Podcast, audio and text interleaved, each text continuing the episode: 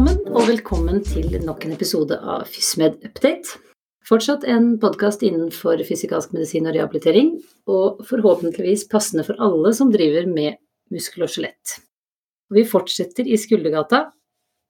Hvis noen blir lei, så er ikke vi det.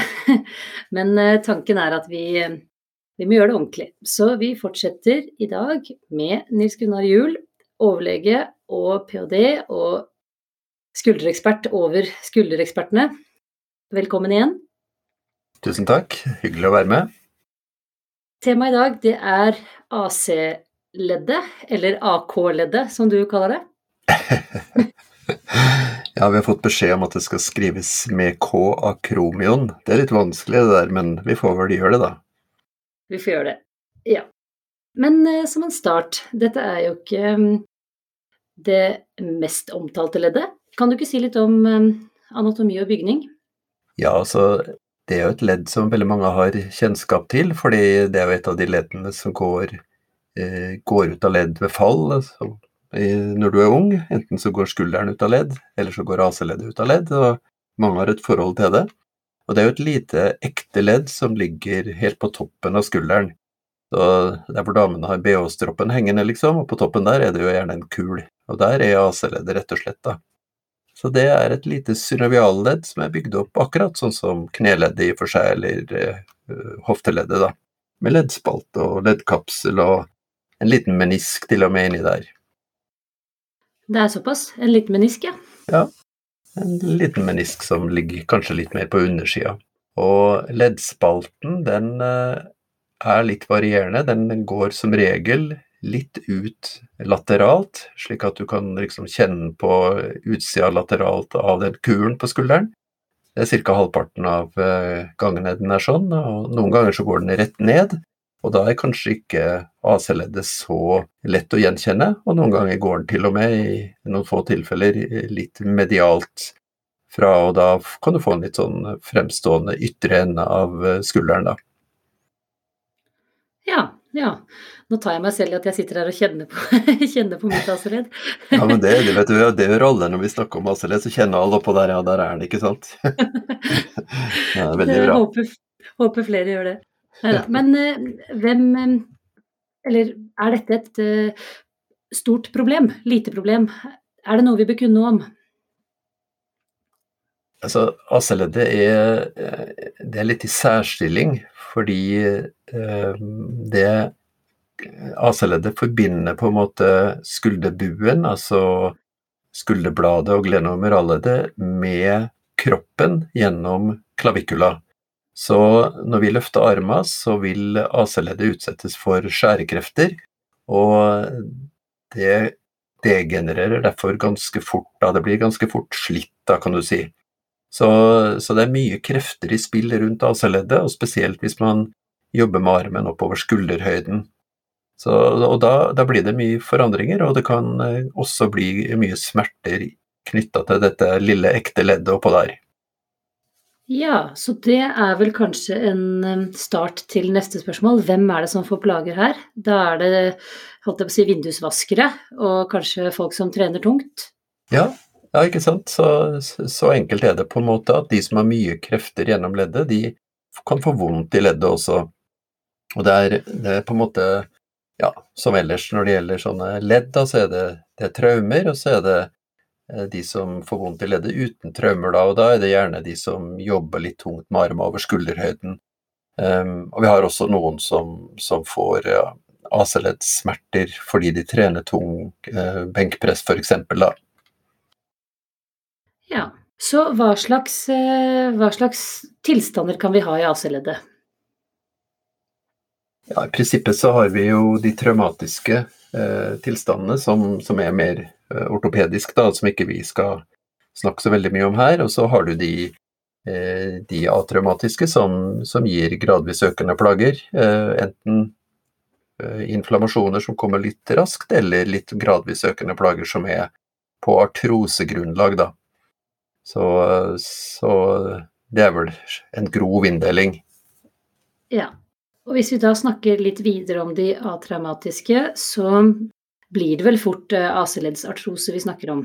Ja, Det er, jo, det er jo den store gruppa, da, altså symptomgivende AC-leddsartrose.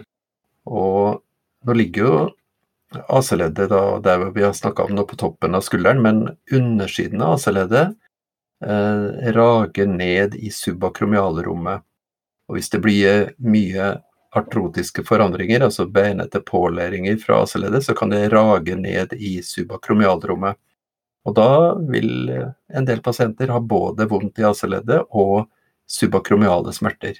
Det, det, er kanskje det vanligste ved AC-leddsartrose. Ja, det var godt forklart. Jeg har ikke tenkt på det før, at det ligger så høyt opp. At det faktisk er Det, det affiserer rett og slett skulderleddet. Altså, når det er litt uttalt, så hvis vi tar et bilde av et MR-bilde da, eh, eh, forfra, så vil vi, vil vi, kunne se at eh, akromion faktisk lager en timeglassform på supraspinatus. Så det, det kan påvirke i vesentlig grad. Ja. Det er dagens fun fact, tror jeg.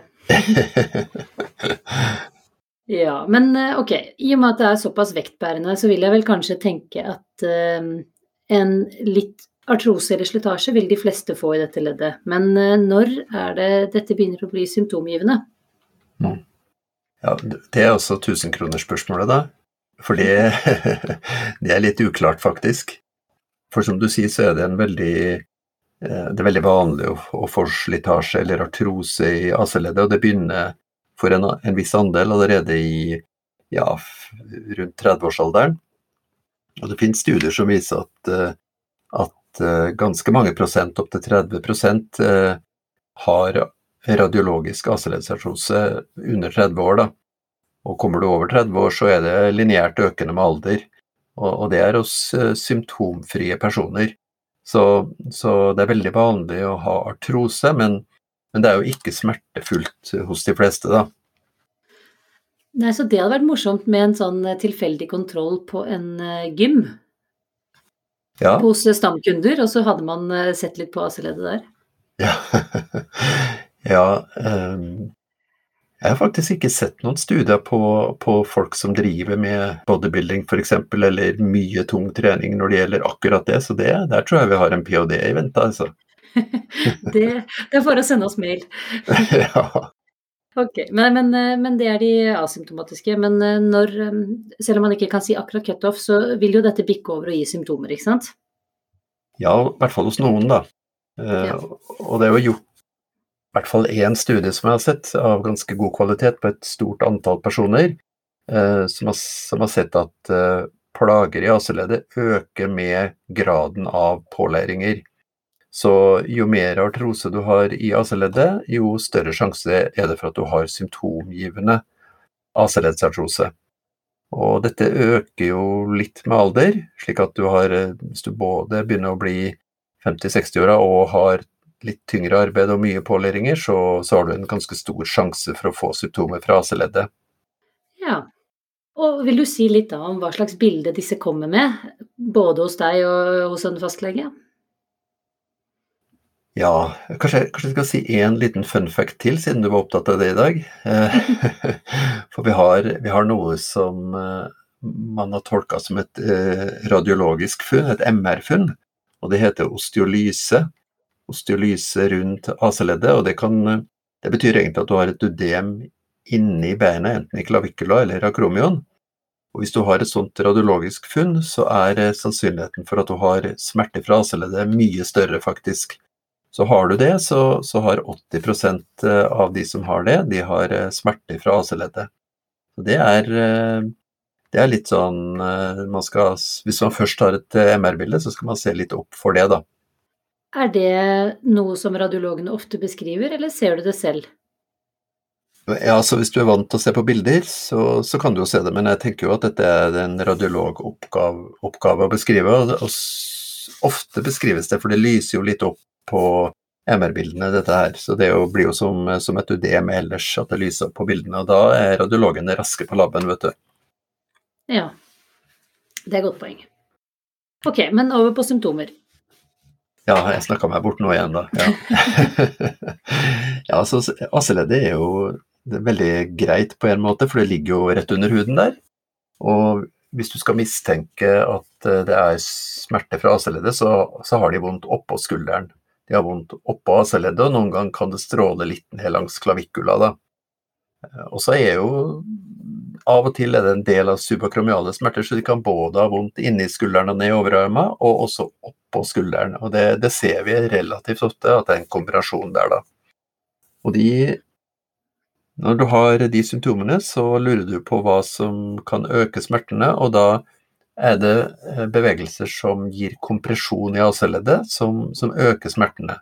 Og det klassiske er jo adduksjon. Hvis du prøver å ta hånda over motsatt skulder, så får du økt kompresjon i AC-leddet, og da skal i prinsippet de smertene øke. Det som er litt mindre kjent, er vel kanskje at uh, hvis du gjør en abduksjon, tar armen ut til sida og fører den helt opp mot taket, så er de siste 15 gradene så øker du kompresjonen kraftig i AC-leddet, og det skal også gi smerter, da, sånn rent klassisk. Ja, det er et godt poeng. Og det jeg vil legge til, det er at jeg har jo en promille av din erfaring på skulder, skulderpol, men det er ofte at det kommer henvist en skulder. Og hvis jeg er flink og prøver å huske det, så er det faktisk ikke sånn altfor sjelden at, at, det er AC-leddet. Sånn at det å bare ha med disse to testene en, en full abduksjon ville man jo gjort uansett, men, men faktisk en sånn cross-body-test som du beskrev, er jo veldig smart å ha med i sin standard skulderundersøkelse. Mm, enig i det. Og det er jo nå er det jo sånn at noen undersøkelser eh, har høy risiko for falsk positive, og akkurat denne crossbody eller adduksjonstesten, den den både komprimerer hele skulderleddet fortil, og den strekker på bakre strukturer i leddet. Og, og, man skal være veldig oppmerksom på at pasienten kan si au hvis du gjør den testen, selv om det ikke er AC-leddet. da. Så, ja, så, så, jeg tenker det, det, enkleste er ofte det beste. Og eh, det å palpere AC-leddet, det er en veldig god test, tenker jeg. Og den er beskrevet vitenskapelig som veldig sensitiv, så hvis du har Eh, negativ test ved palpasjon av AC-leddet ovenfra, så er det høyst sannsynlig ikke noe patologi i AC-leddet. Så kan du selvfølgelig bygge på med adduksjonstest og andre ting i tillegg, da. Ja, men det er fint. Det er en klar beskjed. Palper, og så vurder videre. Mm. Hvis du skulle finne på å gjøre noe supplerende diagnostikk, du har nevnt MR, er det det som er go to?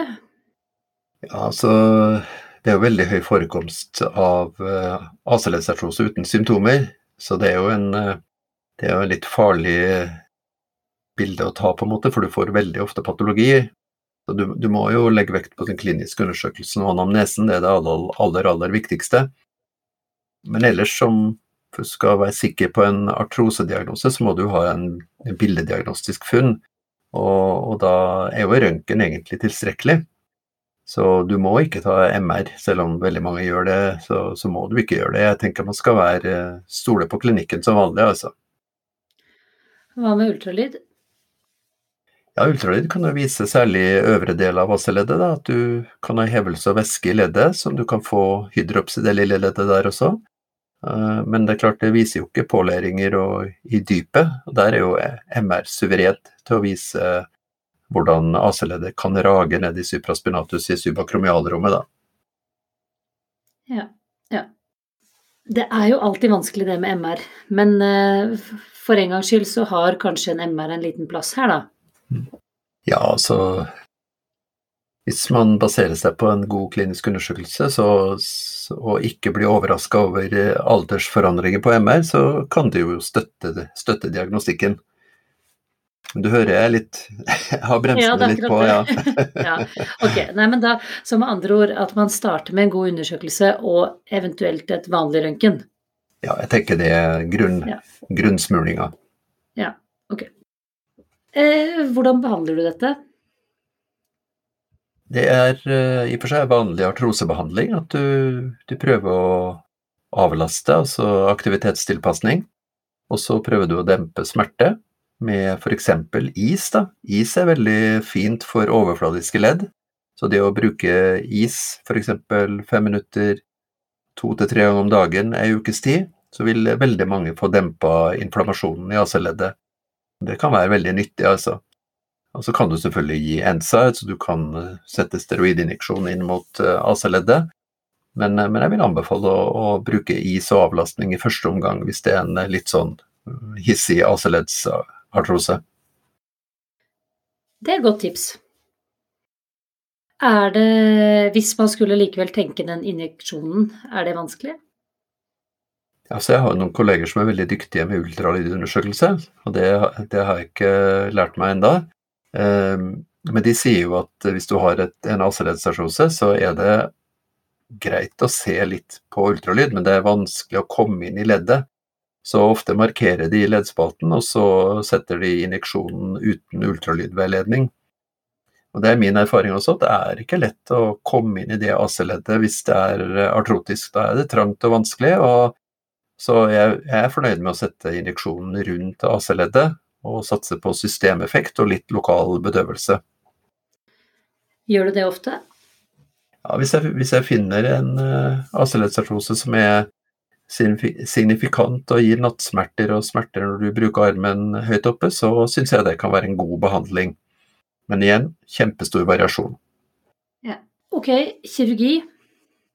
Altså, dette er jo ikke altså, godt belyst. Jeg har ikke funnet noen randomiserte studier mellom kirurgi og konservativ behandling, og det, det, er jo litt rart, for det er veldig mange som har dette problemet, men det er kanskje litt for lite til å forske på det, jeg vet ikke. Så vi har ikke noen sånne gode studier på det. Det blir mer erfaringsbasert. Og alle uh, retningslinjer som jeg har lest, f.eks. Up to Date, som eh, ble oppdatert nå i 2021, de sier jo at du skal prøve konservativ behandling, og hvis det er betydelig funksjonstap over tid, så kan det være aktuelt å operere og fjerne AC-leddet, rett og slett. da. Og det er på linje med de, det som våre kirurger foretrekker, egentlig. Ja. Hvis vi bør tenke litt på alternativer. Altså en god klinisk undersøkelse av anamnese, så klart, men eh, differ rundt AC-leddet? Ja, det er jo subakromiale smerter som kan eh, skygge over, og, og, noen ganger så blir det jo mye myalgier i området, fordi det kan jo være veldig vondt i skulderen, og folk passer på skulderen sin og får mye muskelspenninger. Så jeg tenker jo at uh, det med smertedemping, og så forsøke en Eh, runde med øvelser og tøyninger. Gjerne veileda av fysioterapeut en periode, at det hører med når du har litt eh, myalgier i tillegg. da. Så, så, det er viktig for å prøve å si, avklare hvor viktig AC-leddet er oppi bildet her, da. Det er, det er, en god idé, tenker jeg. Mm. Eh, og så er jo det vanskelig at det alltid kan være flere ting også. Men, eh, men, hvis man, men, hvis man, begynner i den rekkefølgen, og i tillegg med god smertelindring, så har man jo også behandlet flere tilstander, om det skulle være litt inne i skulderleddet også. Absolutt. Og det, eh, sånn Erfaringsmessig så er det jo god prognose hvis du avlaster over det noen måneder, men, eh, men noen ganger så tar det jo litt lang tid. Folk blir utålmodige når det begynner å gå seks og ni måneder, og du ikke kan gjøre jobben din eller sove litt dårlig om natta, så, så hender det jo at man henviser til, til kirurgi, da. Det er jo relativt ukomplisert og liten kirurgi, gjøres artroskopisk, og man går inn og freser ut AC-leddet fra eh, nedenfra og beholder det øvre sterke ligamentet, slik at eh, leddet blir like stabilt som før. da. Så, så, det er litt sårsmerter, og så pleier det å gå relativt greit etterpå. Så, så, det er ikke noe sånn veldig stor kirurgi, egentlig. Har man noen andre tall på prognose, egentlig? Nei, eh, kanskje en prognostisk faktor, eller to prognostiske faktorer. Altså det med osteolyse, som vi var inne på. Det skjer jo det ser vi mest hos uh, unge personer, gjerne menn, som driver og, og bygger kroppen sin litt da, og driver med tung benkpress osv. Og, så og så får de nokså plutselig smerter i skulderen, og da er det veldig ofte AC-leddet. Og det er en negativ prognostisk faktor med tanke på varighet, hvis de da har osteolyse.